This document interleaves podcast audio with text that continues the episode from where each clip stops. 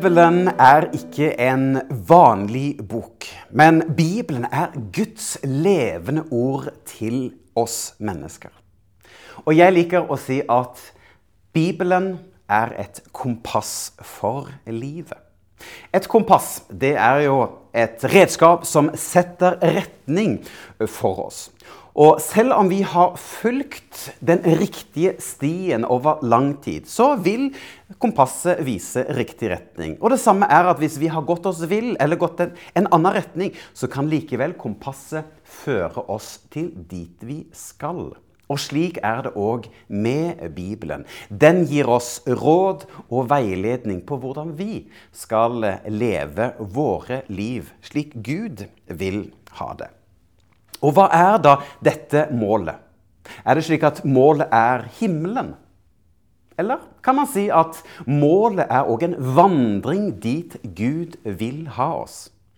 Alle mennesker er jo invitert inn i himmelens rike. Men vi er òg alle sammen invitert på en vandring, en personlig vandring nærmere Gud og sammen med Gud, som er ulik alle andres vandring. Og på denne vandringen så trenger vi Guds ord, slik at vi kan få råd og påminnelser om hva Gud ønsker for våre liv. Jeg har lyst til å ta deg med til Salomors ordspråk, og jeg har kalt denne preken for Fem påminnelser fra Salomo. Salomo det var eh, sønn av kong David, som levde flere hundre år før Kristus. Og David, han syndet mot Gud. Ja, kanskje du husker historien om vakre Batseba. Ja, det var slik at kong David så denne vakre kvinnen, og derfor så tok David og befalte at ektemannen til Batseba skulle blitt sendt ut i krigen i første rekka, slik at sannsynligheten skulle være større for at denne mannen døde. Han het Urias. Eller Uria. Og Derfor har vi fått dette uttrykket 'Urias post', altså en utsatt posisjon som er stor risiko for at man vil mislykkes. Og det skjedde. Uria, han døde. Og da giftet altså eh, kong David seg med Batseba.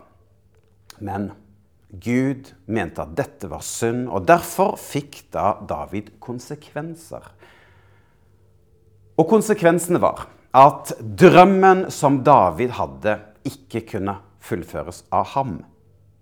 Ja, vi spoler litt tilbake i tid, og da var det slik at Moses han eh, ledet folket ut av Egypt flere hundre år før David levde. Og da var det slik at de hadde dette tilbedelsesteltet som de kalte for tabernaklet. Og dette var et telt som de kunne pakke sammen og ta videre med seg til neste sted de skulle overnatte. Men så var det jo slik at etter hvert så ønsket David da å bygge et fast sted. Et tempel, Herrens tempel, som da denne paktkisten med de ti bud kunne få lov til å være. Så eh, Davids drøm gikk ikke i oppfyllelse i David, men sønnen hans fikk lov til å bygge tempelet. Og det var Salomo. Og Salomo han fikk en åpenbaring i en drøm der Gud sier at Si meg hva du vil, og jeg skal gi det sa Gud til Salomo. Og da Hva velger man å gjøre da? Når man får en slik ting? Velg hva du vil. Salomo han gjorde et modig valg, og vi kan lese her at eh, han ba om å få visdom og eh, overmåte stor innsikt. Og Gud syntes vel om dette bønneemnet, og Gud ga ham alt han ville det står nemlig at han fikk en så stor forstand, så mangfoldig som sanden på havets bredd. Så derfor så har jeg lyst til å løfte fram fem påminnelser fra denne vise mannen kong Salomo. Og da har jeg lyst til å lese fra ordspråkene 3, 1-12. Og der står det Min sønn, glem ikke alt det jeg har lært deg, men ta vare på mine bud i hjertet ditt. For de skal gi deg et langt liv, og du skal leve i fred. Glem ikke å vise godhet, barmhjertighet og sannhet. Lev alltid slik, og bevar denne livsvisdommen i hjertet ditt. Du, da skal du få nåde, og både Gud og mennesker vil da anse deg som et klokt menneske. Stol på Herren av hele hjertet ditt, og prøv ikke å finne ut ting på egen hånd. Tenk på Gud i alt du gjør, så skal Han lede deg på rett vei. Tro ikke at du vet alt. Ha heller en ydmyk holdning ovenfor Herren, og hold deg borte fra det som er ondt. Det skal gi deg god helse og ny styrke. Gi Herren ære med alt du eier, og gi ham det første og det beste. Da skal lagrene dine fylles opp, og du skal ha vin i overflod. Min sønn, se ikke negativt på at Herren straffer og oppdrar deg. Bli ikke oppgitt. Herren rettleder den han elsker. Slik oppdrar jo en far også sin sønn, som han er så glad i. Teksten sier altså 'Glem ikke alt det jeg har lært deg'. Og Derfor vil jeg si at første påminnelse det er ta vare på ordet og forkynnelsen. Og det er jo musikk i mine ører. Som pastor og forkynner så vil jeg jo dele Guds gode budskap. Men musikk det blir jo fort noe man hører, og så går det ut igjen det andre øret. Men slik er det jo ikke med ordet, å lese Bibelen og høre forkynnelse. For det skal inn i øret, og skal det ned i hjertet. Og det skal ta bolig i hjertet vårt. Det skal plantes, og der skal det òg vokse opp. Og du kjenner jo disse lignelsene som Jesus fortalte. Han fortalte lignelsen om denne mm, eh, bonden som sådde såkorn. Men vi òg leser om lignelsen om han som bygde huset sitt på fjell. For disse historiene de handler om å både høre, men òg gjøre. Altså, man tar imot forkynnelsen, man tar imot det man leser i Bibelen, og så gjør man noe med det. Altså at det du hører, skal gjøres noe med. Ikke bare inn øret og ut igjen. Det blir som kua, som vi vet har flere mager. og det er jo slik at Den gulper opp noe av gresset, og så drøvtygger den igjen og igjen. Den henter ting fram igjen. Og det tenker jeg òg vi kan gjøre de, den forkynnelsen du hører, eller de ordene som du leser i Bibelen, ta det fram igjen, slik at dette kan ta bolig, det kan bli værende i våre hjerter. Glem ikke å vise godhet, barmhjertighet og sannhet, står der videre i teksten. Lev alltid slik, og bevar denne livsvisdommen i hjertet ditt. Derfor vil jeg si at den andre påminnelsen er Vis godhet. Hva er vi kristne kjent for?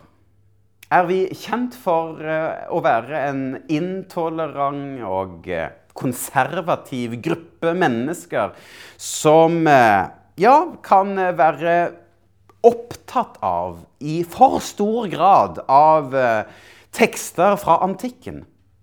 Eller er det slik at vi kristne er kjent for å være rause, omtenksomme mennesker som elsker både kirke og andre mennesker.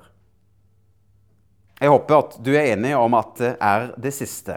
Og det er jo litt interessant, for i Bibelen så blir jo fariseerne kritisert, nemlig for å være litt firkanta, for å være litt rask med å løfte pekefingeren og dømme andre. Men Jesus selv, han møtte jo menneskene med en nådefull, omtenksom, empatisk måte. Så hvorfor er ikke vi da mer kjent for det? Derfor vis godhet. Videre så sier teksten, stol på Herren av hele hjertet ditt, og prøv ikke å finne ut av ting på egen hånd. Så derfor blir den tredje påminnelsen, stol på Gud. For Gud den allmektige, han kan både hjelpe oss og lede oss. Altså, Vi har en helt unik mulighet at himmelens og jordens skaper kan vi få hjelp av inn i våre liv. Altså, Vi kan be om visdom når vi trenger det. For Bibelen sier jo at om noen av dere mangler visdom, ja, da må man be til Gud. For Gud gir alle, villig og uten bebreidelse. Og så skal han få dem. Vi har en gratis tilgang til hjelp fra Gud. Ja, men bruk den. For Gud er bare en bønn unna. Gud er bare en bønn unna. For vi kan altså få hjelp og råd i fra ham.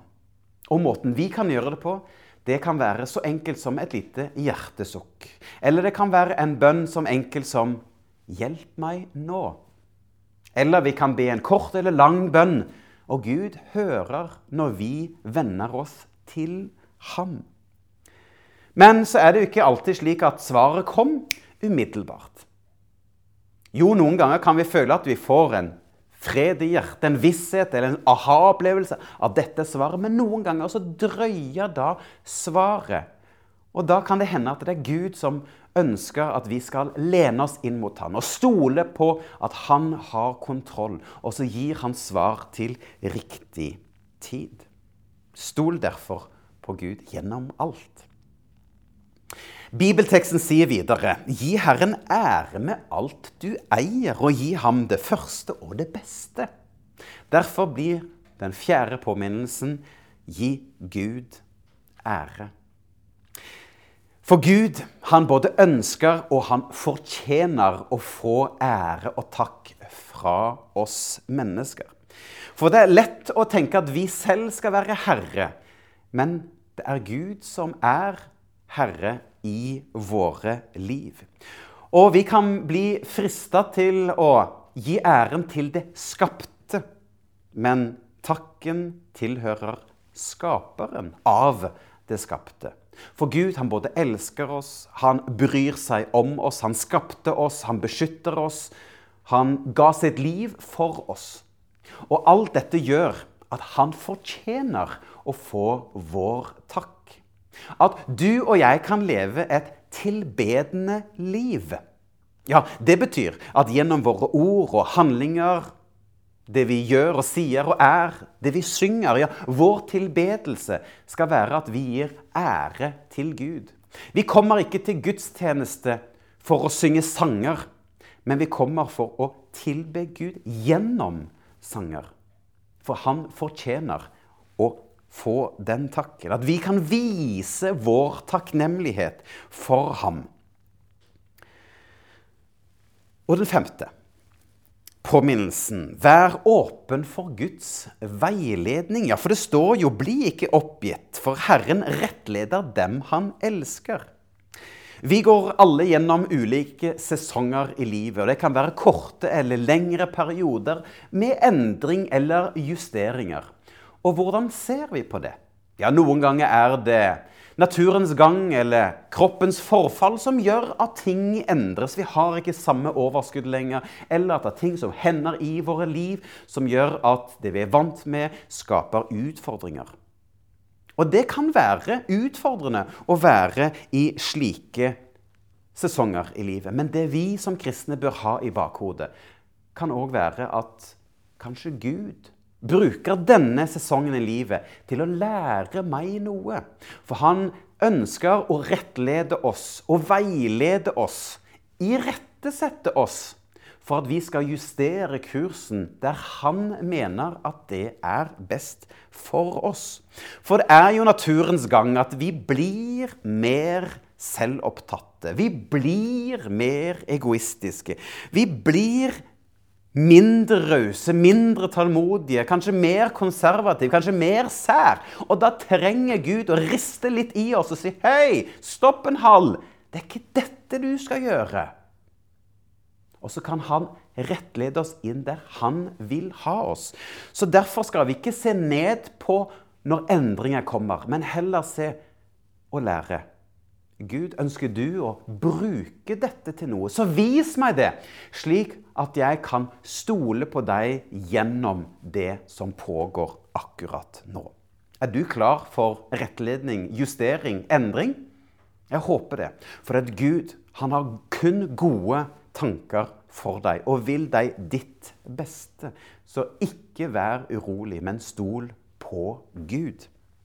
Så Derfor så ønsker jeg å lande i at disse fem påminnelsene de kan være en god hjelp for oss i vår vandring med Gud. Altså ta vare på ordet og forkynnelsen. Vis godhet. Stol på Gud. Og gi Gud ære. Og vær åpen for Guds veiledning. Ta med deg dette, og Gud velsigne deg.